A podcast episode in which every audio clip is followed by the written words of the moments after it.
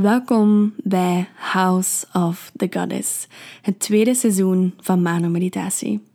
Mijn naam is Manon Celine Pellerio en samen met een heleboel andere prachtige vrouwen deel ik in dit seizoen gesprekken, verhalen, meditaties, oude teachings en eigentijdse ervaringen die de vrouwelijke wijsheid in ieder van ons ontwaakt.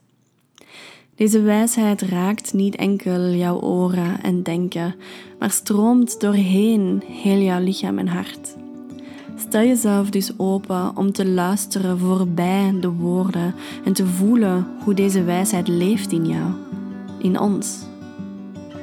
Dus welkom, Goddess. Welkom thuis.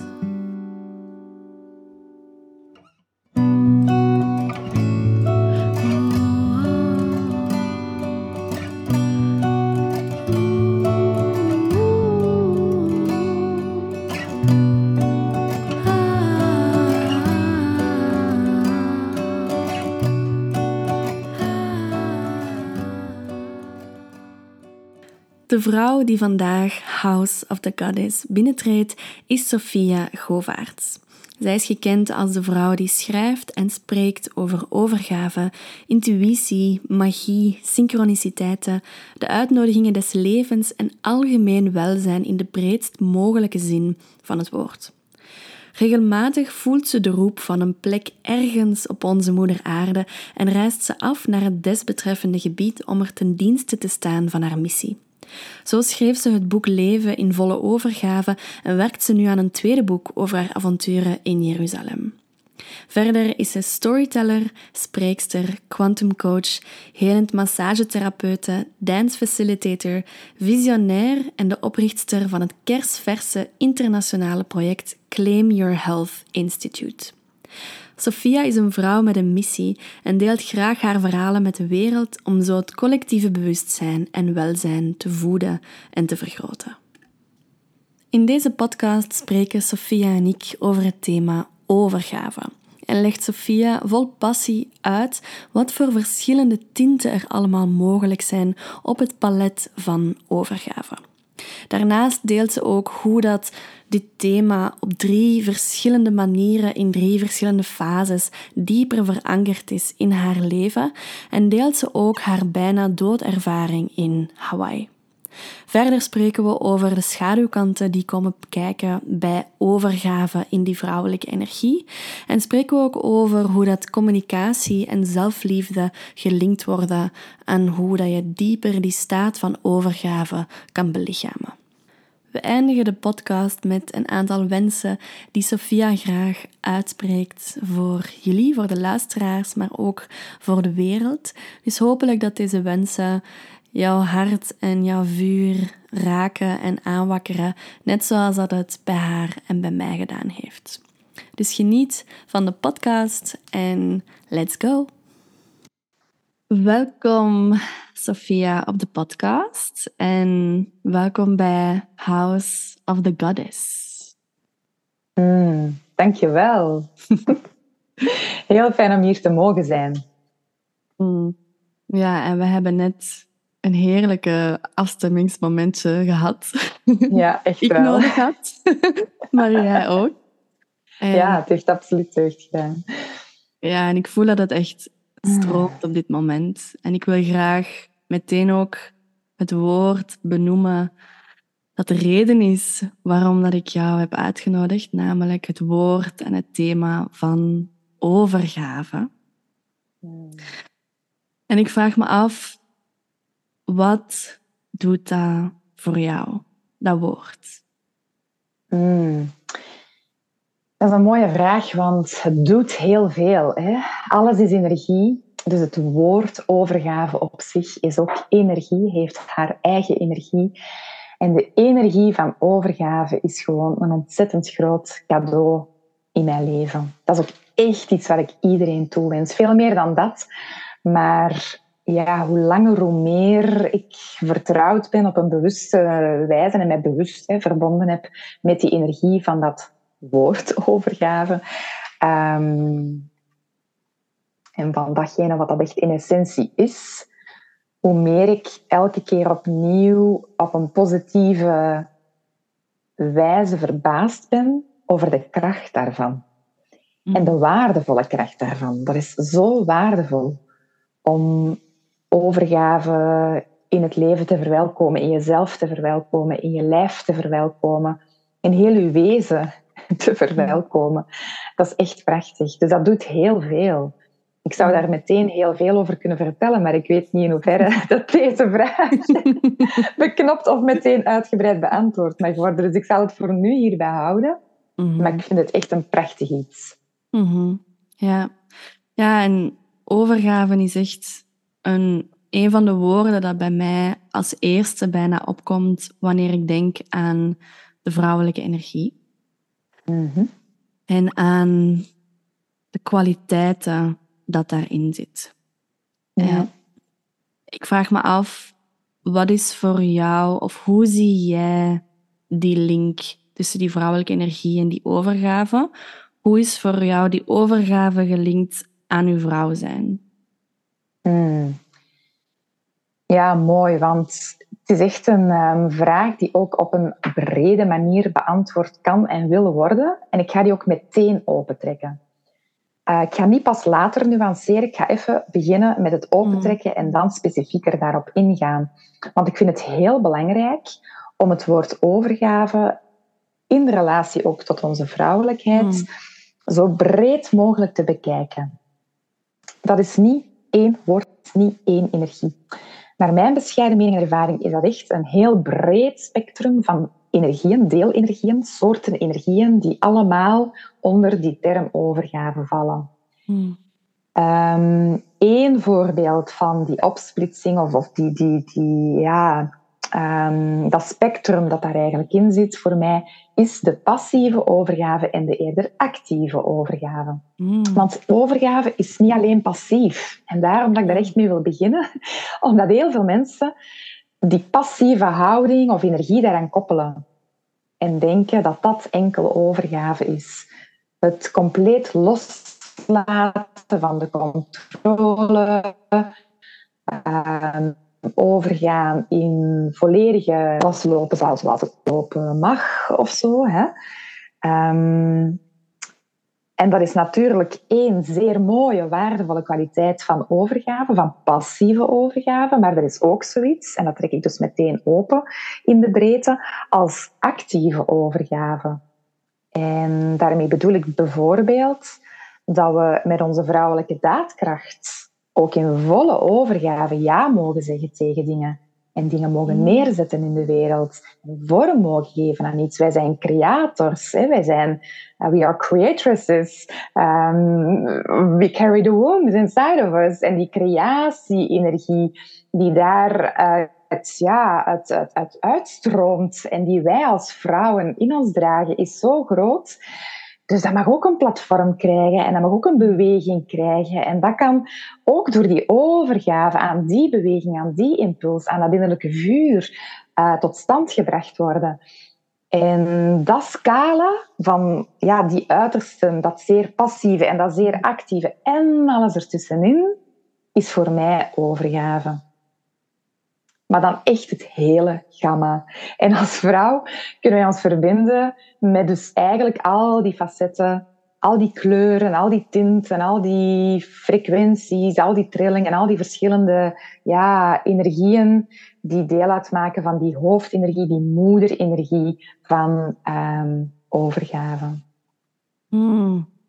Ah, ik vind het super heerlijk dat je die nuancering brengt omdat ik zelf ook op, ja, al een tijdje zo echt kan voelen van oké, er is zwart en wit en er zijn polen, maar er zijn zoveel verschillende soorten grijs daartussen.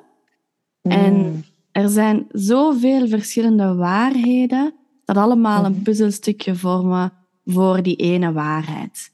En zeker mm-hmm. als je dan duikt in, in één thema, zoals dan nu overgave, ja, vind ik het echt fantastisch om jou daarover te horen spreken en, en te horen die nuancering te zeggen. Want het is niet zo van, ah, en nu ga ik in overgave en nu ga ik uit die overgave. Er zijn ja, zoveel laagjes en, en ehm, niveaus van overgave, zowel naar boven als naar beneden, als naar links en naar rechts zie ik dat dan. Ja. ja, het is interdimensionaal, dat klopt. En ik zie het eigenlijk zelf heel graag als een cirkel, als een palet. Ik denk dat ik daar net dat hmm. woord ook gebruikt heb, een palet. En dan hmm. zit je echt met die cirkel.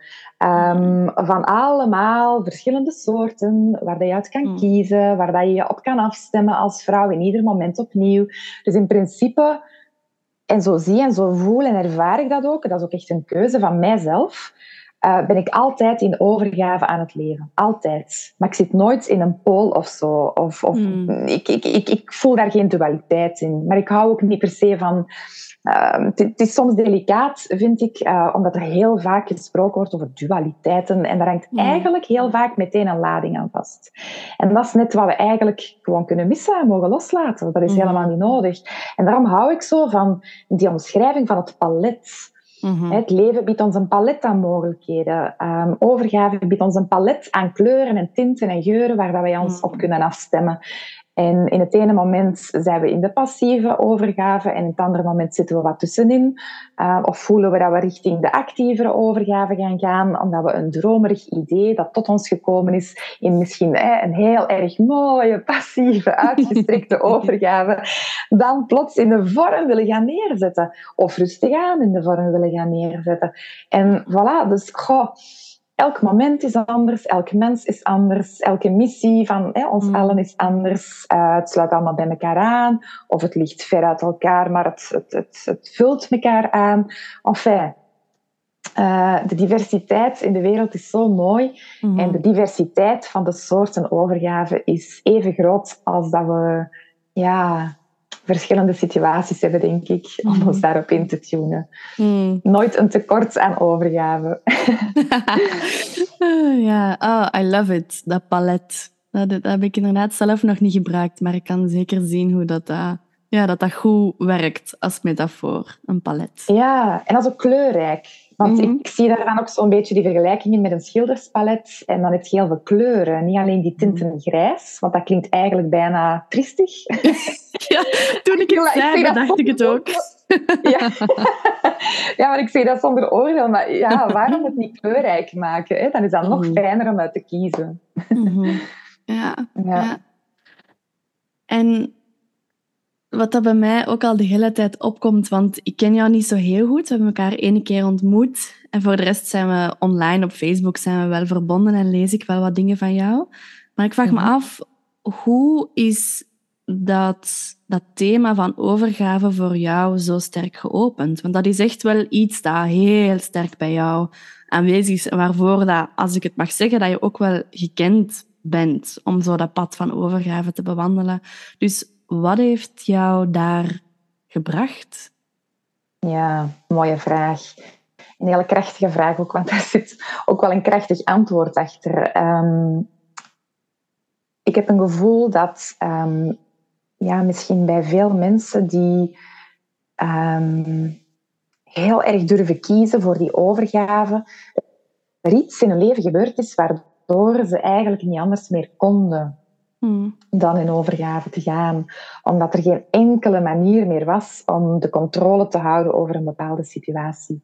En bij mij is dat ehm, op een aantal momenten in mijn leven gebeurd. Ik zou kunnen zeggen dat het stapsgewijs gegaan is. Uh, ik heb bijvoorbeeld een auto-ongeluk gehad dat heel zwaar was, waardoor ik plat kwam te liggen, mijn job niet meer kan uitvoeren en anderhalf jaar verplichte rust heb moeten nemen. Dus dat was veel. Hmm. Toen was ik 27. En toen ik 32 of 33 was, um, is er opnieuw een, uh, heb ik opnieuw een kans gekregen zeg maar, van het leven. Opnieuw een hele pittige situatie, um, ja, waarin ik terecht kwam, echt wel verankerd geraakt. Dat was in een, een moment waarbij ik of een moment, een fase, een hoofdstuk van mijn leven, waarin een relatie beëindigd raakte. En alles wat daarmee te maken had, ook verdween.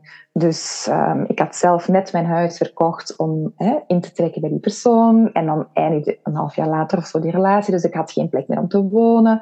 Um, ons werk was hetzelfde. Ik werkte zeg maar bij hem. Eh, in de zaak, of we hadden samen een zaak, dus die stopte ook voor mij. Ehm, ja, de relatie eindigde dan, de schoonfamilie viel weg, die voor mij veel meer als familie aanvoelde dan mijn eigen familie. Dus dat hele warme nest viel weg. Ehm, de wagen viel weg, een klein praktisch iets. Enfin, dus ik bleef over met mijn spullen, dat was het. Hmm. En ja, ik kon niet anders dan mij op dat moment helemaal overgeven aan het leven en erop vertrouwen wat het juiste voor mij wel degelijk op mijn pad zou gaan komen. Te beginnen met een dak boven mijn hoofd. Hmm. En ik herinner me nog dat ik die zomer um, overal mocht gaan house zitten. dat alle mensen die op vakantie gingen um, mij hun woonst toevertrouwden en dat ik daar dan uh, kon verblijven. Dus dat is echt een fase geweest in mijn leven waarbij ik, want dat is nu één klein praktisch voorbeeld, al betekent het wel veel een dak boven je hoofd hebt, maar dat ging veel dieper natuurlijk. Dus diep hmm. van binnen was er iets in mij dat eigenlijk um, op het moment dat ik mij, ik ga het even heel spreekwoordelijk uitdrukken, diep in de shit voelde zitten, dat ik toen op een ochtend wakker werd, niet meer met het gevoel van jeetje, ik zit hier vast in een mesthoop van 6 meter bij 4 en 3 meter hoog, want dat was letterlijk het gevoel dat ik had. Eh, hmm. Ik weet niet hoe ik toen bij die afmetingen kwam, maar zo voelde dat echt. En ik was zo echt een nietig ja, puntje, zaadje, ergens helemaal onderaan die mesthoop. Maar op een ochtend werd ik wakker en was er echt een stem die zei van je kan op geen betere plaats zijn dan waar je nu bent. Hmm. In de shit zitten is de meest vruchtbare plek die je maar kan bedenken. Of die je hmm. jezelf maar zou kunnen toewensen.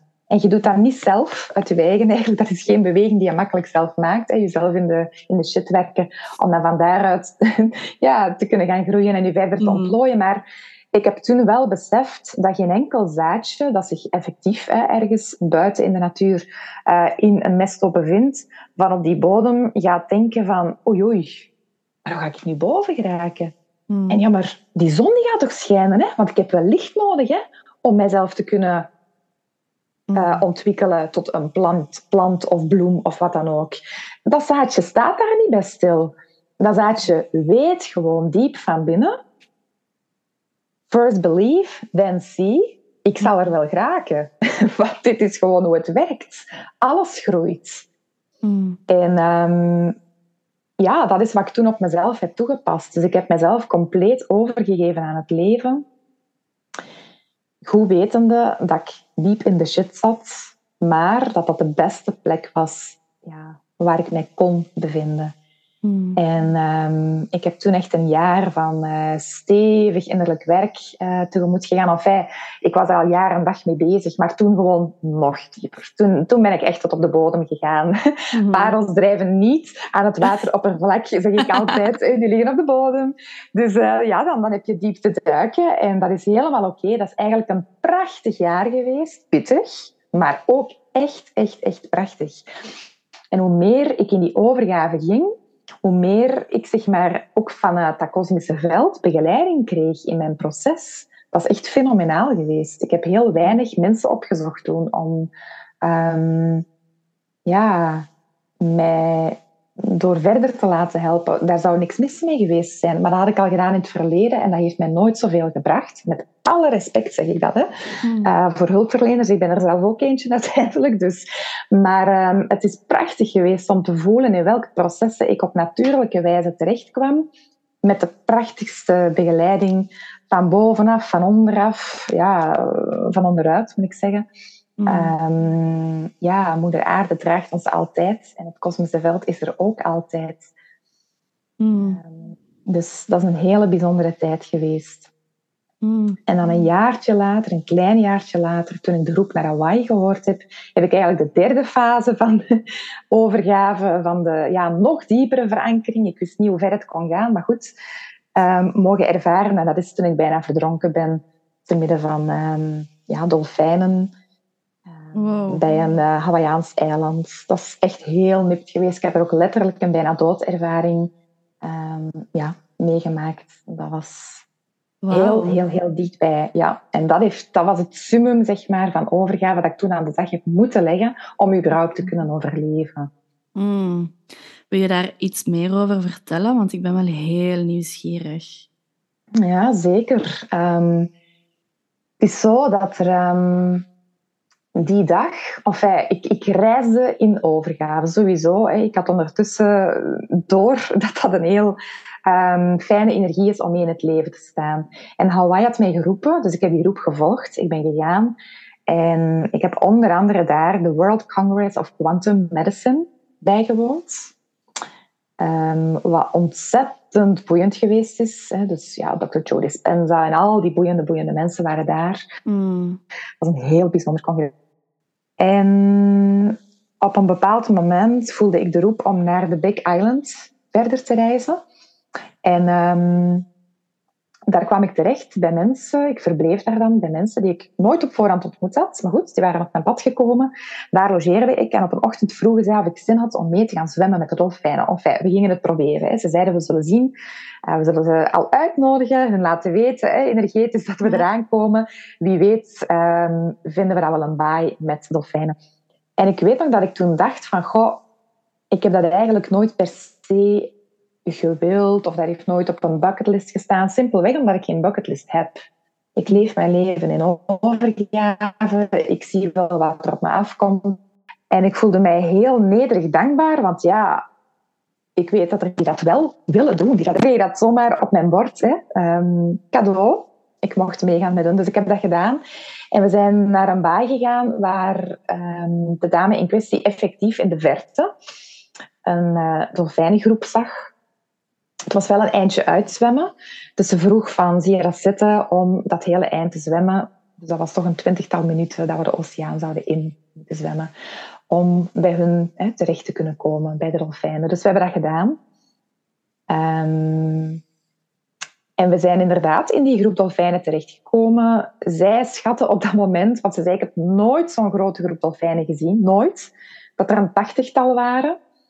En effectief, ja, ik bedoel, voor mij, achter mij, links van mij, rechts van mij, onder mij. En als ik zelf een beetje hè, in de diepte dook, ook boven mij, waren overal dolfijnen. Ik was omsingeld door dolfijnen.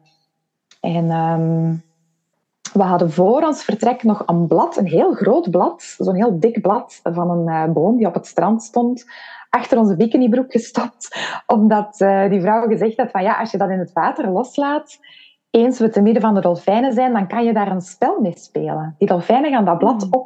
opvangen met hun vin, verder zwemmen en ietsje verder weer loslaten. En dan mag jij dat weer oppakken en zo verder enzovoort. Hmm. En ik dacht, ja, bij jou zullen ze dat wel doen. Want zij was een soort van dolphin whisperer. Maar uh, ik had zoiets van, die dieren hebben nooit op mijn bucketlist gestaan. Niet dat ik hun niet apprecieerde, hè? absoluut wel. Maar ik heb altijd zoiets van, goh, laat die dieren maar in hun natuurlijke habitat zijn. Ik hoef daar niet per se bij te zijn. Dat is eerder mijn intentie altijd geweest.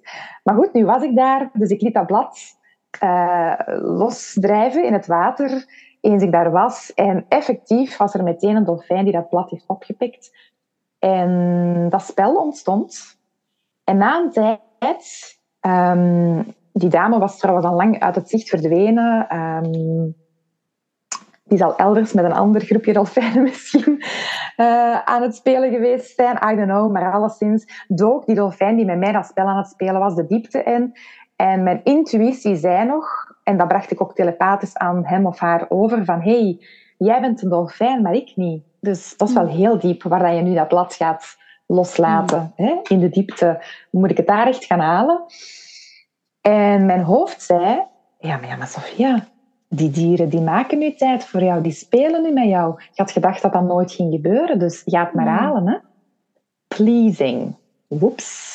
Ja, dus mijn oude um, mechanisme, dat vroeger zeer actief geweest is, kwam nog heel even piepen.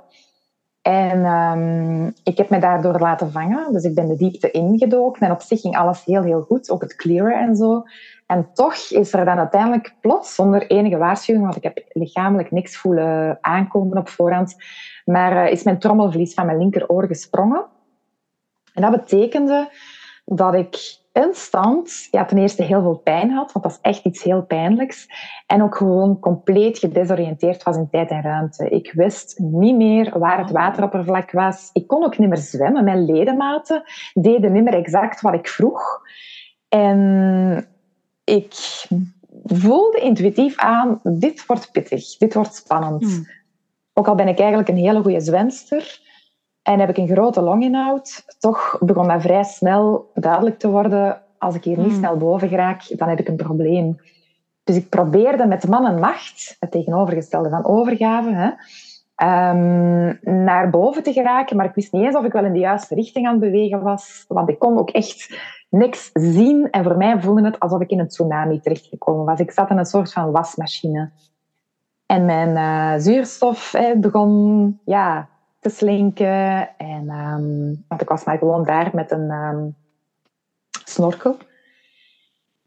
En ik voelde dat mijn lichaam vroeg of laat die ademreflex ja, zou gaan maken. Dat kan je gewoon niet tegenhouden. Wel even, maar niet blijvend. En dat is ook gebeurd. Dus er is water in mijn longen gekomen, wat dan ook weer een heel pijnlijke ervaring is. En nog meer water en nog meer water. En op de duur kwam de film van mijn leven voorbij. En zag ik het licht. En dacht ik, oké, ga ik nu echt hier te midden van de stille oceaan in Hawaii het leven laten? En toen is er iets gebeurd in mij, wat ik dacht, ah, wel eigenlijk is dat zo slecht nog niet. Dat is fantastisch. Dat is, als ik dan toch echt te gaan heb, een ongelooflijk bijzondere, krachtige, magische plek op aarde om te mogen gaan. Hmm. Dus ik gaf mij over aan het verhaal. En er was nog wel een stem die zei van... Maar herinner je je niet wat je gisteren gedaan hebt, Sofia? Gebruik die kracht en misschien raak je er dan wel. Hmm. En het was zo dat ik de avond voordien echt de mooiste sunset van mijn leven gezien heb. En dat ik toen met mijn blote voeten op de zwarte uitgestrekte lavavelden gestaan had en echt geroepen had. Een soort van ja, geboortekreet gegeven heb, levenskreet, waarvan ik toen het gevoel had, dat heb ik nooit in mijn leven gedaan. Met zoveel overgave, zoveel... Uh, alles wat ik in mij had. Het leven verwelkomt in mij en in elke cel van mijn wezen. Want ik heb een hele pittige kindertijd gehad. Het is heel moeilijk geweest. Ik ben vaak depressief geweest als kind. Ik voelde me slecht. Ik was ongelukkig. Mijn zelfwaardegevoel zat onder nul. Noem het maar op. En ik had zo hard aan mezelf gewerkt. Een heel jaar lang dat ik toen zoveel levensvreugde en goesting door mij heen voelde stromen, dat dat er in die ja, ongelooflijke klank is uitgekomen. En er was echt een stem. Ehm, ik heb eerlijk gezegd zelfs het gevoel gehad dat dat de stem van God was. Maar goed, het blijkt normaal te zijn als je echt een bijna doodervaring hebt, dat je dat echt ervaart als het licht van God en de stem van God. En onlangs heb ik gehoord dat het zelfs de adem van God genoemd wordt. en toen was de mm, cirkel voor mij helemaal rond toen ik dat hoorde in een podcast. Ja, dus die zei letterlijk, die adem die je toen gisteren nam, om die levenskreet te uiten, haal die nu opnieuw boven en roep zo hard je kan eens je boven komt om hulp. En mijn mind dacht nog, ja, maar hoe is dat mogelijk? Mijn longen zitten vol met water, dat gaat nooit lukken. Hmm. Ehm, en toch ja, was dat de enige optie, zo bleek, die ik meekreeg. En op een magische wijze ben ik toch boven geraakt, maar door net niks meer te doen, want ik ben gestopt met mij te bewegen. Ik heb mij letterlijk overgegeven, dus ik hing als een watje in het water. En daardoor Misschien hebben de dolfijnen mij wel omhoog gespiraald, zeg maar. Dat er zijn mensen die mij zeggen dat dat waarschijnlijk gebeurd is. Gedaan, dat schot mij. En heb ik effectief kunnen roepen. Dat is voor mij nog altijd een mirakel, maar het is gebeurd. En net op dat moment was Eva, de vrouw die mij meegenomen had naar het water, ook boven water, waardoor zij mij heeft kunnen horen. En die kans was ook al heel klein, want zij had evengoed onder water kunnen zijn op dat moment. Hmm. Dus ik ben na dat roepen meteen terug onder water gegaan, maar zij heeft mij eruit kunnen vissen. Ze moest wel een eind zwemmen, maar ze heeft mij echt gered. Ze heeft echt mijn leven gered. Wow. Um, dus samen met misschien ikzelf, hè, mijn ziel, die de, die de, ja, de tip van God um, serieus genomen heeft en exact gedaan heeft wat er gezegd werd. Want er werd ook echt wel gezegd van je hebt heel je leven je best gedaan. Je hebt altijd moeite gedaan en, en ja, je best gedaan. Dat was eigenlijk de hoofdboodschap. Je best gedaan, je best gedaan, je best gedaan. Doe dat nu een keer niet. En ga in die overgave die je nu al goed kent. Maar pas dat ook nu hmm. toe. Durf het maar. Doe het maar. Hmm. Ehm, dus ja, van in de dieptes van de oceaan is dat niet zo evident. Maar tegelijkertijd had ik geen andere optie. Dus heb ik daarvoor gekozen. Met het resultaat dat ik hier nu vandaag op deze stoel nog zit. Want dat had anders, denk ik, absoluut anders uitgedraaid. Ja. Maar dankjewel om dat, uh, om dat te delen. Ik had al gehoord van jouw uh, hypnotiserende en magische manier van verhalen vertellen. Maar ik moet toegeven dat ik het nu ook ja, zelf mocht ervaren in het luisteren. Dat ik echt zoiets had van, ah, ja. Dat ik zelf in diepe ontspanning ging en zoiets had van, jij mag nog uren verder blijven vertellen.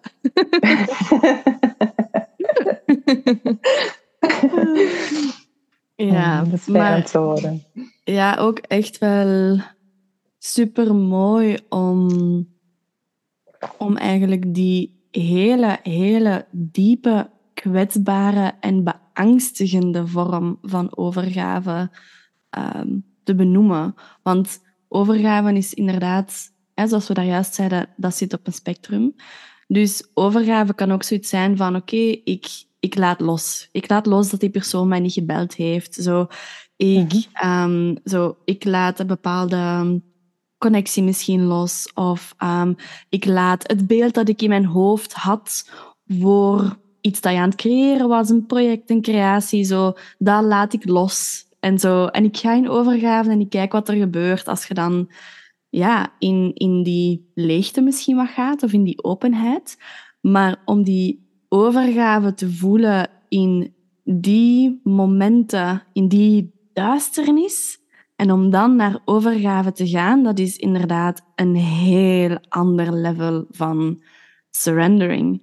Omdat dat dan echt voelt alsof dat, ja, voor jou in dit geval letterlijk, maar ook emotioneel gezien heb ik zelf ook die ervaring gehad van zo diep in leegte en in duisternis gezogen te worden, dat je dat benauwd krijgt en dat je die druk voelt verhogen en verhogen en verhogen en dat je zoiets hebt van hoe kan ik hier nog ademen, hoe kan, kan ik hier uit, wat moet ik hier doen? En dat er dan iets openbreekt. Soms vanuit bewuste keuze, maar soms vanuit onbewuste keuze, omdat je zoiets hebt van er, er is niks anders, dus ik moet dit toelaten, deze vorm van overgave.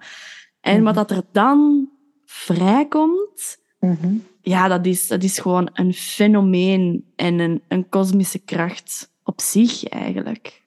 Ja. Ja, want ik wou net zeggen, dat is pure levenskracht. En jij noemt een mm. kosmische kracht. Maar mm. inderdaad, ja, die kosmische kracht die wekt ons dan eigenlijk bijna terug tot leven of zo. Mm-hmm. Ehm, en het is ook een kracht die gewoon echt in ons zit. Hè? Ja, macrocosmos, microcosmos, dus alles. Ja. Hè? zit ook echt wel in ons. En, ja, en dat ontwaakt dan. Mm. Dat mag er dan ineens zijn. Dat krijgt ruimte om haar plek in te nemen. En dat is zo voedend. Um, ja, hoe meer dat we in overgave leven, hoe meer dat we het leven kunnen leven met hoofdletter L. Hmm. Voluit, in volle overgave, in vol vertrouwen en ook met steeds meer vreugde. Dat is ook hmm. echt iets dat ik ervaar. De levenskwaliteit gaat echt omhoog. Hmm. En uh, het alignment wordt groter, hè? het aligned zijn en ja, de dingen op je pad krijgen die echt bij je horen. En de helderheid over de missie uiteindelijk ook. En mm. alles, alles, alles wordt eigenlijk helderder. Ehm, ja, lichter, warmer, liefdevoller, mooier. En dat bedoel ik echt niet zweverig of uh, lichtzinnig. Dat, dat meen ik echt met mijn twee voeten stevig op de grond. Ja. ja. Mm. ja. ja. Zijn er voor jou, want ik kan me sowieso inbeelden dat die er zijn, maar ik ben heel benieuwd om, om uw persoonlijke ervaring te horen van welke um, obstakels of schaduwkanten dat er opkwamen die jou tegenhielden om telkens opnieuw te vertrouwen in die overgave en naar die staat te gaan. Mm. Ja, goh, weet je, um, in het water bijvoorbeeld um, was er echt die, ja, koppigheid waarschijnlijk. En ook dat, die programmatie, noem ik het eigenlijk liever, in mijzelf. Die de kop opstak en zoiets had van, ja, ik moet dit toch kunnen? Ik moet toch zelf naar het oppervlak kunnen zwemmen. Hey, ik, ik had vroeger jaren doorgebracht in de zwemclub. Niet dat dat mijn meest favoriete ding was. Ik moest dat van mijn ouders. Maar goed, ik had dat wel gedaan. Dus ik was een goede zwemster. Dus waarom zou ik dan in godsnaam niet? En ik had al in zoveel oceanen gezwommen in de wereld. Hey, zelf naar boven geraken. Hmm. Dus er was echt wel iets in mij dat zoiets had van... Maar overgave, kom aan. Allee, van, net nu toch niet. Allee, op alle hmm. andere momenten wel. Maar nu maar ik zeg het, dan kwam die film van mijn leven voorbij en ik begon het licht te zien. En je hoort de stem van God of van whoever, of van jouw gidsen of beschermingen. En dan, ja, dan, dan, dan word je heel nederig. Maar echt mm. heel nederig. Um, en dan is er eigenlijk vrij instant niks nog van jezelf mm. dat in je weerstand zou willen of durven gaan. Dan, dan voelt je zo fel dat verschil tussen een mens met haar ego en de ziel in verbinding met God, die mm. daar eens even een gigantische tip komt geven. Hè, en als je naar zou willen luisteren en je in overgave durft opstellen, dat dat misschien je leven wel kan redden.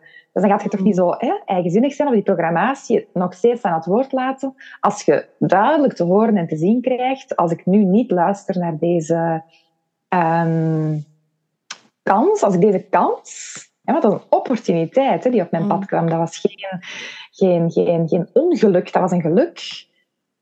Eh, en een kans en een opportuniteit om nog dieper te leren vertrouwen in het leven en in ja, zij die ons steunen van bovenaf. Mm. Ik kan het echt niet anders zeggen. Ehm, en dat heeft mij ook helemaal niet, niet bang gemaakt op dat moment. Dus daarvoor nog wel. Hè. Toen ik mm. in de paniek zat, was ik nog mm. aan het proberen um, zelf naar boven te zwemmen. Maar daarna is die paniek volledig weggevallen. Want eens je dat licht ziet, ja, dan beland je al in die vredige hmm. um, staat van zijn. En dan zijt je eigenlijk al aan het overgaan. En dat is die bijna doodervaring. Dus ik vond dat hmm. heerlijk om daar te zijn. En ja, het lichaam laat ook gewoon echt los hmm. op dat moment. En de geest, alles. Op alle vlakken ga je op dat moment, maar dat is een uitzonderlijke situatie natuurlijk, zo'n verdrinking of bijna verdrinkingsdood, laat je gewoon los. En ja, op andere momenten in mijn leven. Um, ik zou misschien even willen voelen welk voorbeeld het beste zou zijn.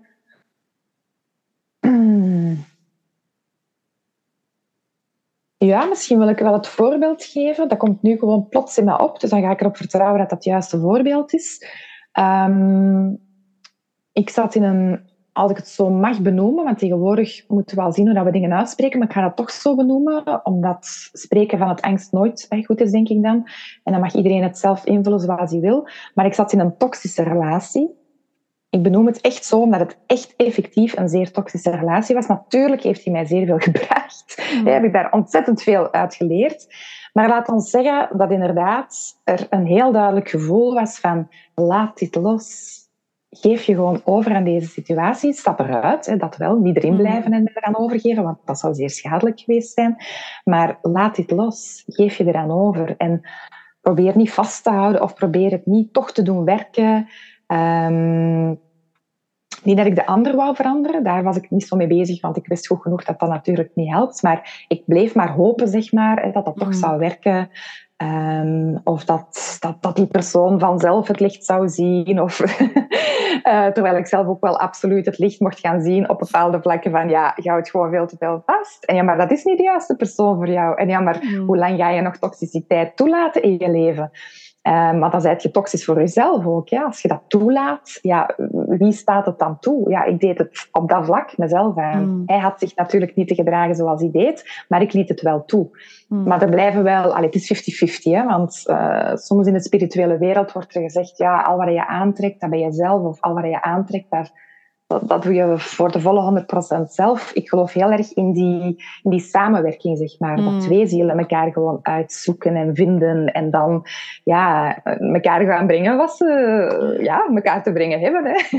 Mm-hmm. En natuurlijk is de verantwoordelijkheid van mijn kant, van mijn 50%, is mijn verantwoordelijkheid natuurlijk wel 100%. Dat is zeker en vast waar. En die had ik te nemen.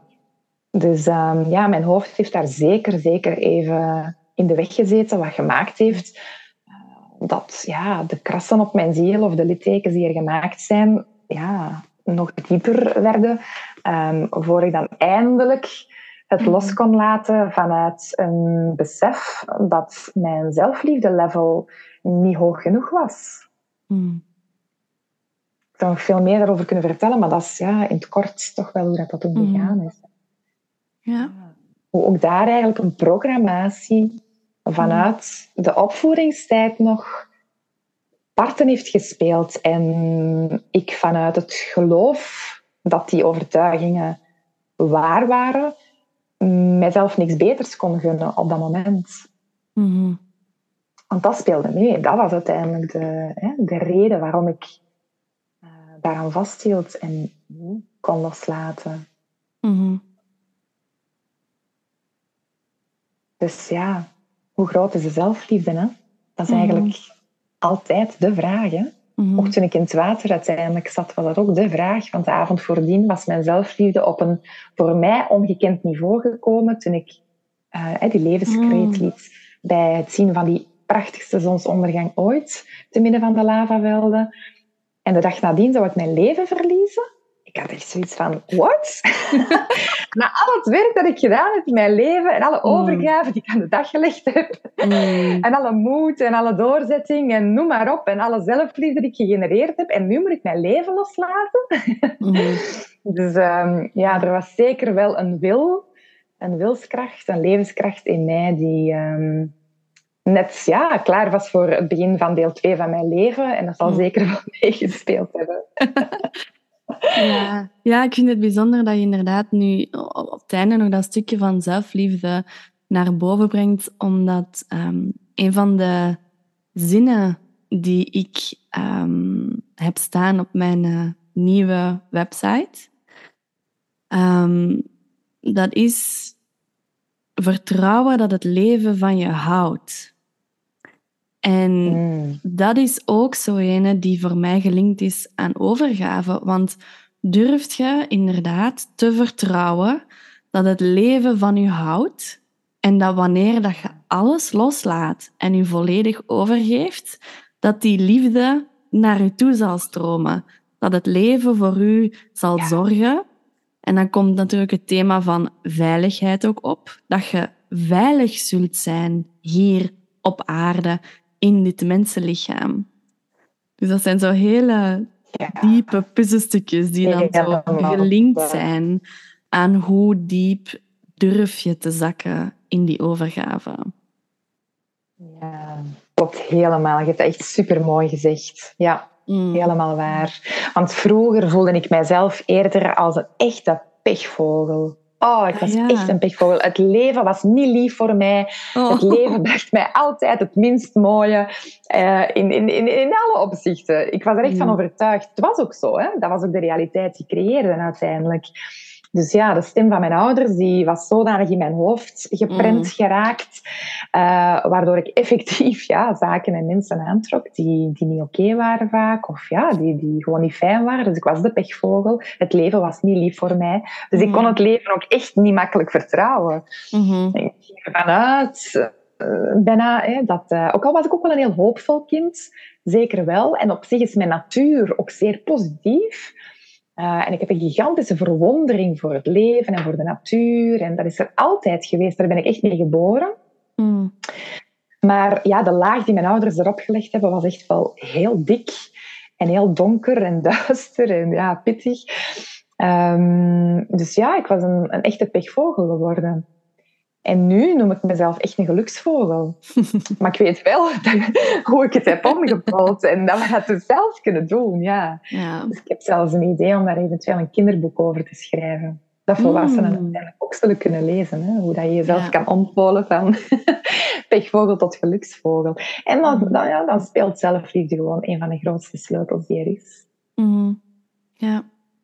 Zijn er voor jou nog bepaalde dingen die meer gelinkt zijn aan zo het dagdagelijkse leven en zo de meer zachtere vormen van overgaven en loslaten. Dingen dat jij doet of, of dingen dat jij zelf gebruikt om terug te kunnen komen naar die staat van overgave, gewoon in het dagdagelijkse? Ja, eigenlijk continu. Ja, het is echt wel een zijn waar ik um, heel bewust voor gekozen heb, jaren geleden, ja, nu al meer dan tien jaar geleden, en die echt, echt zeer bewust ja, in, alleen vooraan in mijn bewustzijn mm. aanwezig is. Um, dus dat zit echt zo in alles. Um, ook daar straks, toen um, ik begon te merken dat ik eigenlijk een kwartiertje extra nodig zou hebben om klaar te geraken tijdig voor deze opname van deze podcast, had ik mij ofwel kunnen ja, rappen en uh, lichte stress ervaren en uh, misschien maar half mijn lunch kunnen opeten. Uh, in de hoop dat ik dan op tijd klaar zou zijn. En, mm. Maar ik dacht, jongens, toch, we gaan een podcast doen over overgave. En, maar ja, dat was gewoon... Weet je, als het alleen om jezelf gaat, is dat veel makkelijker. Maar ja, mm. nu moet ik jou dan vragen van... Is het wel oké? of zou het mm. eventueel een kwartiertje later kunnen? En dan schrijf jij doodleuk... Oh, dat komt voor mij eigenlijk ook wel beter uit. En dan denk ik, yes, dit is het nu toch. Ik bedoel, als vrouw gewoon even mijn intuïtie, mijn gevoel eren en kiezen om mij over te geven aan het feit dat ik inderdaad een kwartiertje later zal zijn. En dat gewoon eerlijk communiceren. Ik vind dat trouwens een hele belangrijke. Ik vind dat ook een vorm van overgave. Eerlijk communiceren. En dan de mooie gevolgen daarvan zien. Hm. Want eerlijk communiceren, ten eerste communiceren is dan een vorm van overgave, want heel vaak houden we ons in of zeggen we niks. En ten tweede, eerlijk communiceren. En als je mm. die twee combineert, oh, dat is zo bevrijdend. Dat geeft zo'n mm-hmm. gevoel van overgave, van voilà, ja, het is eruit. Ik heb het gewoon eerlijk gedeeld en, mm. en op een fatsoenlijke manier. Hè. Ik bedoel, ja, op, een, op een vriendelijke, warme manier kan je eigenlijk eender wat gecommuniceerd krijgen. Mm Kan je alles zeggen um, tegen je medemens. En natuurlijk weten we niet hoe de ander reageren zal. Dat is iets anders natuurlijk. Dat is dan weer niet mhm. onze verantwoordelijkheid. Maar wij kunnen mhm. wel kiezen om uh, open en eerlijk te communiceren. Om transparantie in het leven te brengen op zoveel mogelijk vlakken. Ik hou echt van transparantie, van authenticiteit, eerlijkheid, rechtvaardigheid. Dat zijn allemaal zaken die bijdragen tot overgave. Want stel je voor dat je het omgekeerde doet. En dat je in het leven staat um, met angst en dat je oneerlijk met momenten communiceert en dat je um, ja, misschien zelfs liegen. Hè? Dat is, pas op, mm. iedereen heeft dat wel eens gedaan of doet dat. Of Um, ik ben er altijd heel sensitief aan geweest. Waarschijnlijk omdat mijn ouders dat heel veel gedaan hebben en ik kon daar gewoon niet mm. tegen. Ik kan dat ook bijna niet. Dat is iets, dat, goh, eigenlijk gaat dat niet, maar bon. um, dus ja, uh, als je niet eerlijk bent met jezelf of niet eerlijk communiceert met de ander, oké, dat is niet altijd makkelijk, maar dan ga je ergens weten van, goh, ik heb iets niet eerlijk gezegd en dat kruipt in je systeem, dat moet in je hoofd blijven zitten ook. Want de volgende keer dat je iemand ziet, moet je eigenlijk een beetje mm. dat scenario blijven herinneren van, wat had ik nu weer gezegd tegen die persoon? En goh, dan moet ik dat zo en zo. Of, eh, of je kunt jezelf zo in de nesten brengen. Dus je gaat ook met een bepaalde spanning, tension, in je mm. systeem komen te zitten, automatisch. En hoe meer dat je dat doet, hoe hoger die tension zal zijn. En hoe langer dat je die aanhoudt, Um, ja, hoe, hoe, hoe destructiever uiteindelijk, ga dat woord toch mhm. wel gebruiken, dat gaat zijn voor je hele systeem en heel je wezen.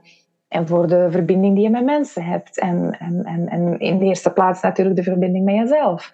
Mhm. Dus het is veel moeilijker om de dingen los te laten of om in overgave te gaan. Als, als je systeem vol zit met hè, een leugentje hier of een stressje daar of een, mhm. goh, iets dat je opkropt of vasthoudt of of alles wat een vorm van weerstand is, mm. belemmert ja, om, ja, dat de energie van overgave plaats kan nemen in de zetel van je ziel. Zeg maar. Mm-hmm. En dat is zonde, dat is jammer. Mm-hmm. Ja, en durven echt oprecht eerlijk communiceren is dan ook weer gelinkt aan durf ik oprecht mezelf zijn en durf ik te staan voor wie ik ben hou ik voldoende van mezelf? Accepteer ik mezelf voldoende? Om gewoon te tonen wat er in mij leeft, zonder angst van wat gaat de ander denken? Gaat de ander mij afwijzen? Gaat de ander mij uitlachen? Maar gewoon vol in uw waarheid staan. Ja. En dat is zeker een hele moeilijke oefening. Mm -hmm. Voor zowat elk mens, denk ik. Want ja, ik, ik vond dat zelf vroeger heel moeilijk om open te durven spreken, omdat ik thuis niet mocht spreken, was mijn ja, keelchakra zeg maar compleet geblokkeerd. Mm. Um, dus dat is, dat is echt iets waar ik heel bewust, bewust, bewust aan gewerkt heb om ja, wel te durven spreken. En nu ben ik mm. ja, spreekster en geef ik lezingen en zo, maar dat was destijds echt, echt ondenkbaar. Ja. Mm. Dus uh, een hele evolutie geweest. Dat heeft zeker veel werk gevraagd, maar eigenlijk ook gewoon heel veel vertrouwen en overgave en loslaten. En geloof. Een geloof dat er ook voor mij een leven weggelegd zou kunnen zijn. Dat was toen allemaal nog een gok, want ik zag dat toen nog niet. Ik was nog de pechvogel hè, toen dat proces zich maar allemaal begon. Mm. Maar dat er ook voor mij misschien wel iets moois weggelegd zou kunnen zijn of zo. Misschien. Hè? Mm. Misschien zo, hè?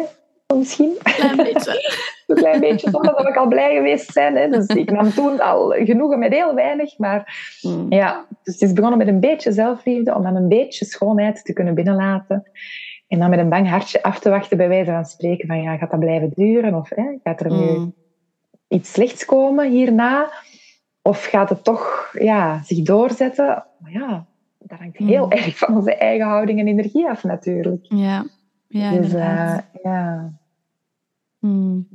Ja, dankjewel om dat allemaal te delen. Er is bij mij nog... Um, er zijn nog twee vragen met verschillende thema's die zal een tijdje opkomen wanneer ik jou hoor spreken. Uh, dus ik wil ze graag de, de ruimte geven die dat ze blijkbaar vragen. Mhm. En um, de eerste gaat over, ik denk een, dat ik het kan noemen als een schaduwkant van de passieve overgave. En de mhm. manier waarop dat ik dat zie en voel, is dat zeker, zeker in de vrouwelijke energie en voor vrouwen zie ik dat, maar mannen kunnen die schaduwkant uiteraard ook hebben. Maar dat vrouwen in een soort van um, los laten gaan van hun verantwoordelijkheid nemen voor dingen.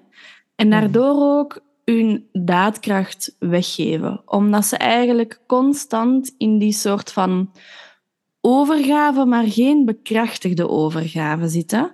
Maar een overgave van zoiets van ik ben eigenlijk te bang om mijn leven in handen te nemen en ik durf het niet. Dus ik laat het zomaar wat doen en ik, ik zet de mantel van overgave daar rond. Mhm. En dat is eigenlijk dan een vrouw die helemaal niet in haar kracht staat, of een man. Ehm, en ja, die zo voor mij raakt dat dan ook aan die zo haar potentieel niet waarmaakt. Die dan ook vaak haar grenzen niet durft aangeven, omdat ze zoiets heeft van alles is goed. En inderdaad, op sommige momenten kan oprecht alles goed zijn. Maar op sommige momenten mag je ook gewoon even jezelf bijeenrapen en voor iets staan en voor iets gaan. Dus ik vraag me af wat dat, ja, welke nuanceringen of welke ervaringen dat jij daar nog bij hebt, bij zo dat stukje schaduwkant van overgave in de vrouwelijke energie. Ja, absoluut. Het is echt zo mooi dat je dat aankaart, want ik heb heel de tijd te knikken als je aan het spreken was, omdat het gewoon ja, helemaal is waar ik uh, hetzelfde bij voel. Mm. Ehm, het is een valkuil inderdaad om ja, te fel maar als het echt te fel is, hè, want alleen in mm. sommige gevallen is het helemaal oké om in absoluut diepe, diepe overgave te gaan, passieve overgave te gaan.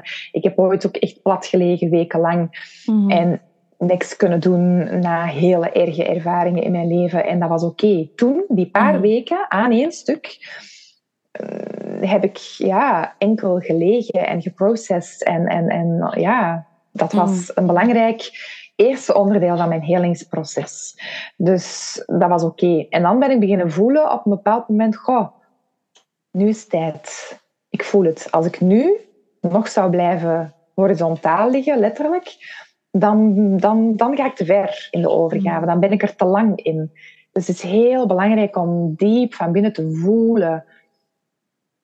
Ja, ben ik eerlijk met mezelf? En mm. klopt deze tint van het palet van overgave nog bij mij of mag ik naar de volgende tint overschakelen? Mm. En het is heel belangrijk om dan inderdaad daar verantwoordelijkheid voor te nemen.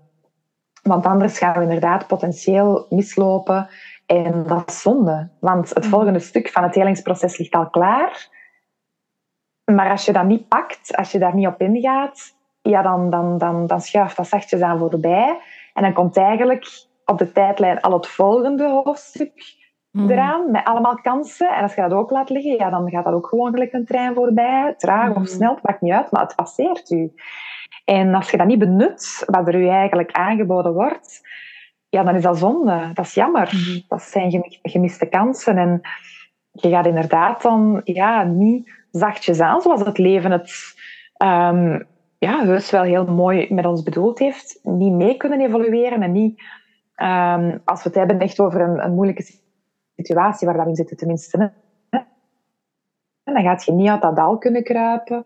Mm. Um, en dus ook nooit je potentieel, of ja, nooit of veel later, of, of je, gaat, je gaat iets mm-hmm. missen.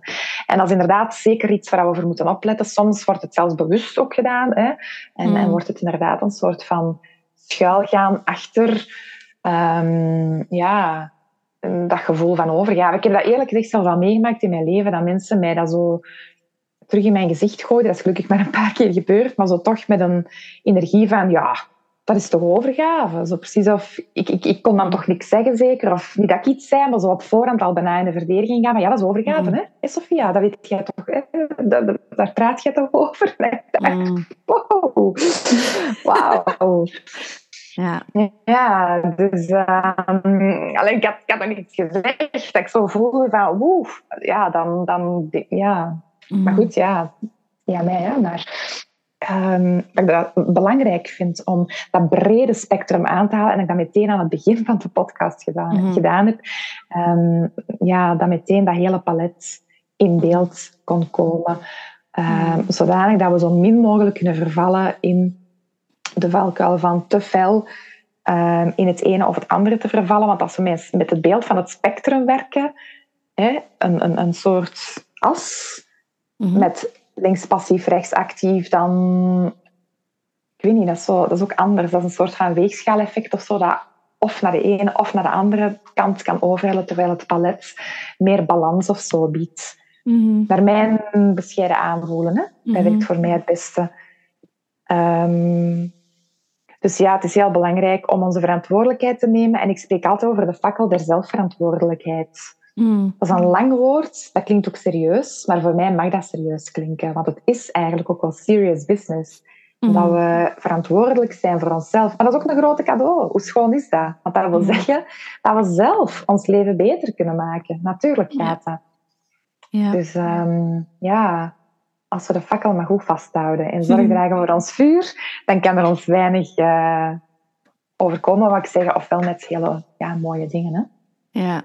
ja, en de, het kader waarmee dat ik al lang werk, is echt zo dat kader van mannelijke en vrouwelijke energie. En voor mij is dat dan echt die een balans tussen die vrouwelijke overgave, maar dan voldoende ook die mannelijke daadkracht, daadkracht. op tijd en stond te kunnen inzetten en dat ook te kunnen cultiveren en, en gebruiken wanneer dat je voelt, nu is dat nodig en nu is, nu is het andere nodig. Dat je daar zo in kan mhm. spelen en dat kan laten overgaan in elkaar. Ja, absoluut. Ja. Mhm. ja, ik heb zeker beide valkuilen in mijn leven gekend hoor. Mm. Te veel in mijn mannelijkheid, omdat mijn vader wou dat ik een jongen was en omdat ik super hard moest helpen op de boerderij en zo. Goh, het was niks als daadkracht, daadkracht. Er was geen ruimte mm. voor zachtheid, vrouwelijkheid. Dus ik vond het zelfs vreemd als ik een rokje aandeed of zo. Ik moest dat dan ook wel weer, maar oh, ja, zo liet mij maar die broek dragen. Mm. En ik dacht, wauw, maar dat was gewoon normaal voor mij. En een mm. kleedje dragen, ja, dat klopte niet, want ik was zo... Ik moest dat sterk meisje zijn die altijd maar werkten en, en, en, en bevelen opvolgde. En als dat meisje dan op zondag in een rokje moest, dan klopte dat precies niet. ja, ja. Dus ja, en ook later in mijn leven dan weer als tegenpool net iets te fel misschien. Of ja, te fel. Ik denk wel dat het nodig is. Ja, het is sowieso nodig geweest. Maar heel erg in de vrouwelijke energie gegaan. Net iets te weinig daadkracht toch wel aan de dag gelegd. Mm. Gewoon niet meer durven. Ehm, omdat er ook altijd veel commentaar kwam op wat ik neerzette of wou neerzetten. Mhm. En uiteindelijk ben ik gestopt met ideeën te delen met mensen, of toch zeker in het thuisfront. En heb ik gewoon mijn ding, ben ik gewoon meer en meer mijn ding beginnen doen. Mhm. Ja, dat herken ik ook wel. Ik, ja, zeker zo het, um, Ik denk dat het stukje te veel in de mannelijke energie gaan, dat dat misschien nog voor mij klaar ligt in mijn leven. maar ik herken zeker het stukje van zo te veel in die vrouwelijke energie gaan en dan eigenlijk in die valkuilen en in die schaduwkanten terechtkomen. En, en nu sinds een paar maanden merk ik ook van, ah oké, die, die daadkracht is aan het groeien en ik ben die ook zo heel bewust aan het cultiveren. En nu ja, ben ik heel bewust zo momenten aan het creëren van, dan zit ik in mijn do-modus en dan zit ik in mijn zijnsmodus en in mijn rustmodus en in mijn surrendered um, modus. En dat, dat is gewoon heel fijn om, om die contrasten te ervaren en zo te ervaren van wow, dat zijn echt heel verschillende kanten van mezelf. En dat is zo leuk om die telkens dieper dan te kunnen ontdekken en daar steeds meer ontspannen in te kunnen spelen in die polen eigenlijk, of op dat spectrum. Ja, voilà. Ja, zalig. Ja, mm. klopt. En dat geeft inderdaad vreugde, hè, zoals je zegt. Mm. Dat, dat, dat, dat, dat voelt heel vervullend en heel mm. volledig. Dan ben je eigenlijk je leven holistischer aan het beleven. Dan ben je ja, meer heel. Want je gaat al die facetten van jezelf en al die archetypes die in je zitten, of al mm. die energieën die in je zitten, hoe dat we het ook willen noemen. Heel dat palet, hè, we zullen mm. opnieuw het palet bovenhalen, mm. met al haar kleuren en tinten, mag gewoon aanwezig zijn in jou. En ja, dan kom je daarmee naar buiten en dan kom je daarmee naar buiten en dan mengt je misschien wat kleurtjes hè, op het palet en dan komt er hè, eh, een alchemistisch proces vrij, nog, een, nog, een, nog een vernieuwde versie van jezelf. En allee, soms dan kunnen we ook opkijken van onszelf, van jeetje, ik wist niet dat dit in mij zat. En dat is fijn want er zit veel meer, maar echt veel meer in ieder van ons in dan wij zelf nog maar zouden kunnen vermoeden en mhm. voelen, naar mijn bescheiden mening. Mhm. Ja, ik meen dat te voelen, dat er mm. zoveel potentieel zit in, we zullen nu zeggen, de vrouw. Hè? Ook in de mannen natuurlijk, en daar zit ook veel gemist potentieel de dag van vandaag. Amai. Mm. Uh, want zij zijn ook bijna bang geworden om hun daadkracht te tonen. Zij moeten tussen haakjes veel vrouwelijker zijn. En um, zij zijn ja, her en der zelfs verleerd. Mm-hmm. Of bijna verleerd om in die mannelijke daadkracht te gaan staan. Mm-hmm. Gezonde mannelijke daadkracht natuurlijk. Hè. Laat ons, mm-hmm. daar zijn we altijd wel over aan het spreken, denk ik. Over de gezonde balans, de gezonde overgave, de gezonde daadkracht.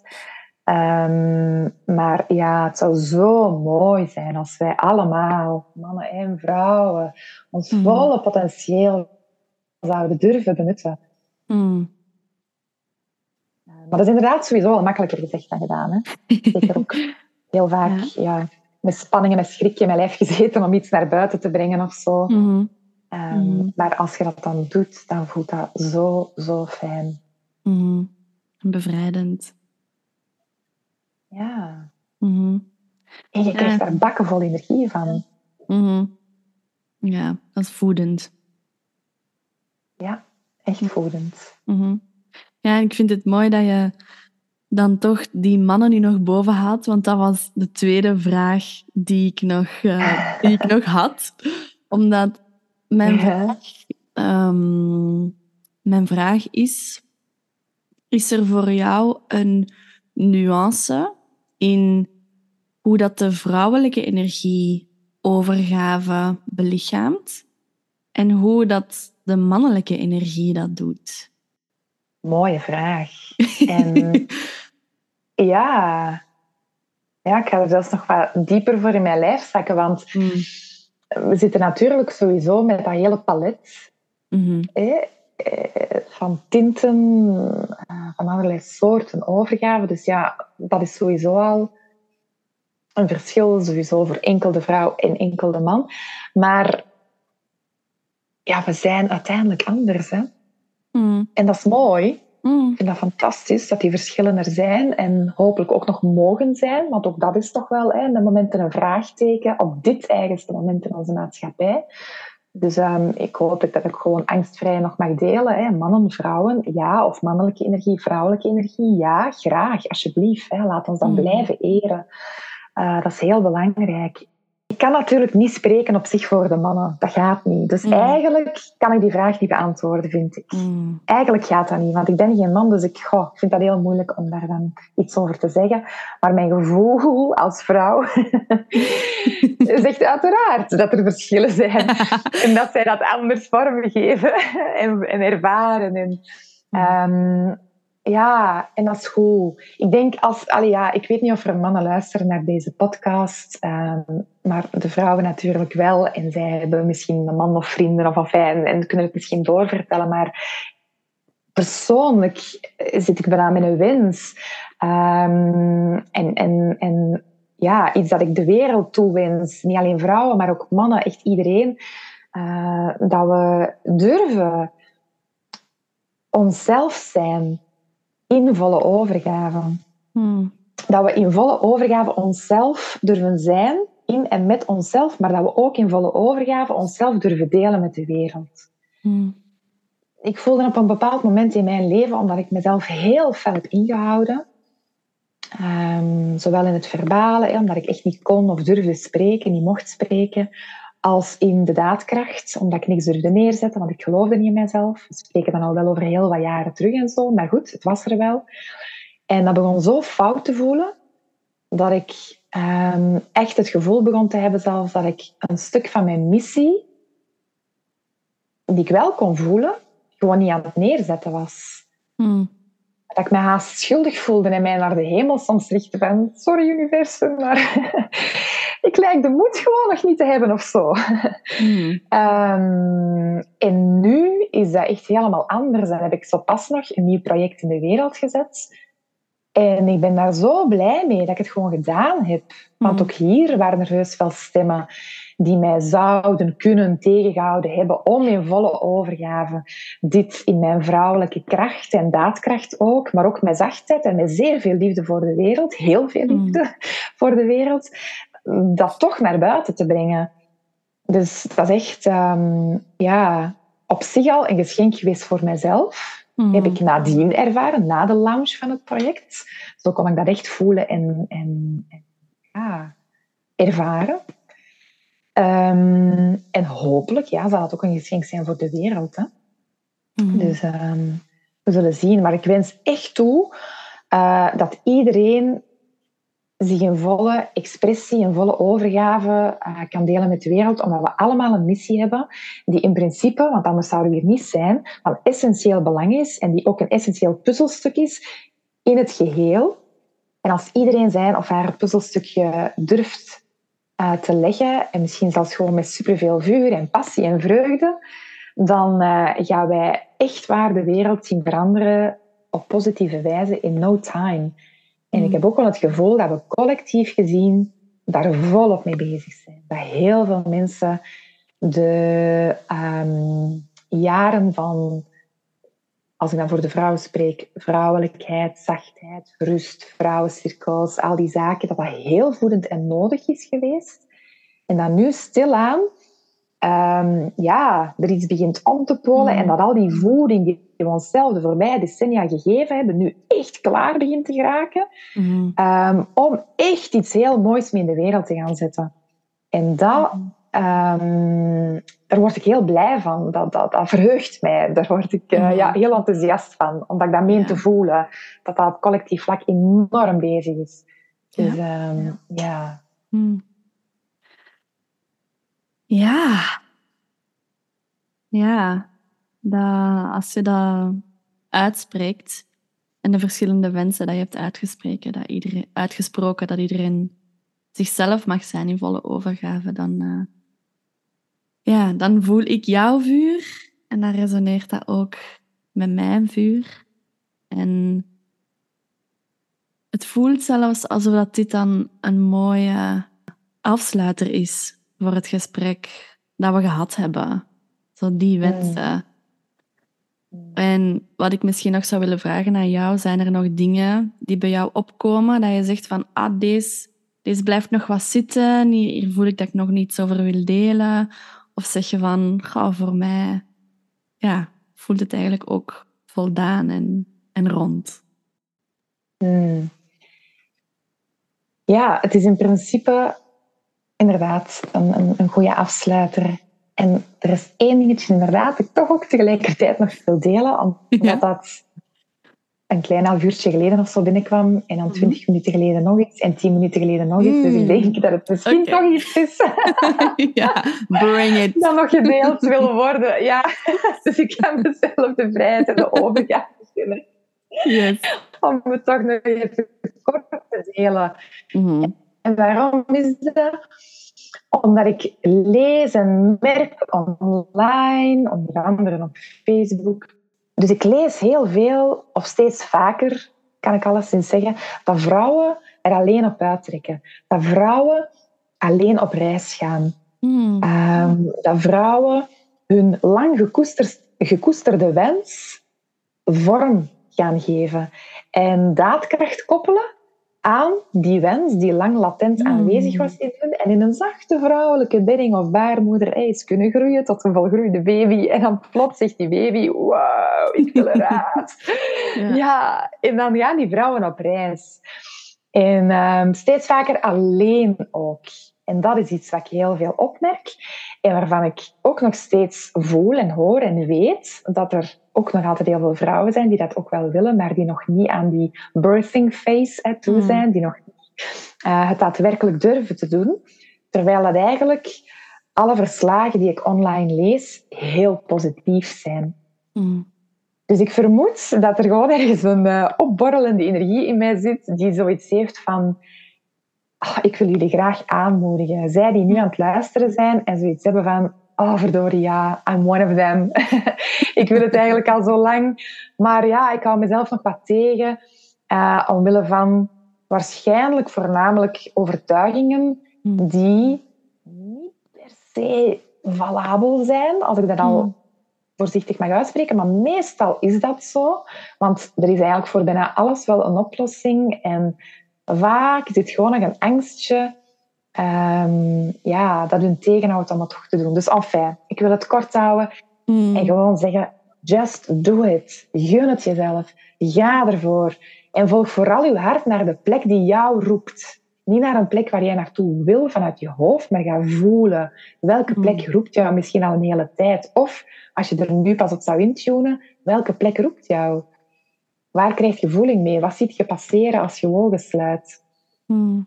En ga daar naartoe en gun het jezelf en geniet ervan. En echt in volle overgave ook. En uh, ja, kijk dan wat er gebeurt tijdens zo'n reis. Want dat is altijd een innerlijke reis die je maakt. Hè? Mm en het hoeft ook niet in het buitenland te zijn. Het mag iets eenvoudigs zijn. Of misschien is voor sommige fresh mama's een avondje spa al uh, een uitje van je welste, weet je wel. Maar dan is ook dat gewoon helemaal prima. Dus het gaat niet per se om de vorm, maar gewoon om datgene wat eigenlijk al even beleefd wil worden en je jezelf nog niet gegund had tot nu toe. Hmm. Ah. Ja. Want, want, dat zet vrouwen in hun kracht. Ja. En die kunnen we gebruiken in de wereld. Ja, absoluut. Ja. Ja. Leuk dat je nog die laatste aanmoediging hebt toegevoegd. Ik hoop dat het, al is het maar één vrouw of één luisteraar, inspireert om een stapje in die richting te zetten. Dat zou mooi zijn. Ja, ja inderdaad. En al wie op de bank ligt, dat is ook nog prima, weet je wel. We zijn allemaal onderweg. En ja, dat is ook belangrijk om nog eens even mee te geven. Want ik weet dat ik soms heel passioneel kan vertellen. En, mm. Maar ik ja, ben there done that, weet je wel. Ik weet hoe het is om daar ook te zijn. Dus wherever you are, embrace it. En um, hoe meer ja, overgave dat je aan de dag legt, hoe makkelijker het allemaal kan doorstromen. Mm. Mm. Inderdaad. Is er een manier waarop dat mensen bij jou terecht kunnen? Of dat mensen jou kunnen vinden? Moesten ze in contact kunnen blijven? Moesten ze geïnspireerd zijn en uh, meer over jou willen weten?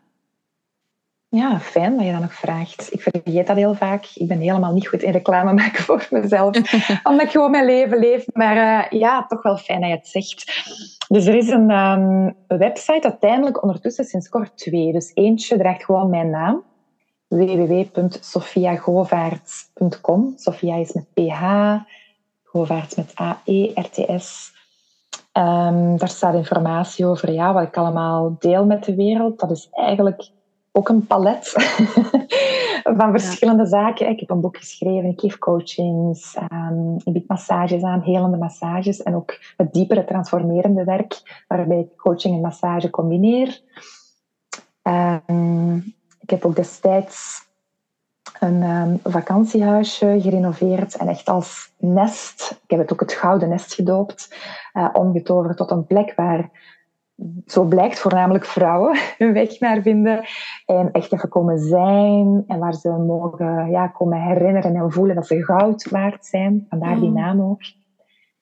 Um, dus dat is dat. En dan is er nog de website van het nieuwe project, hè, dat ik uh, vorige week gelaunched heb. Mhm. En dat heet Claim Your Health Institute.com.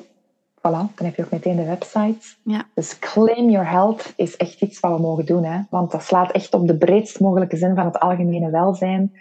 Dus uh, fysiek, mentaal, emotioneel, spiritueel en alles daartussen.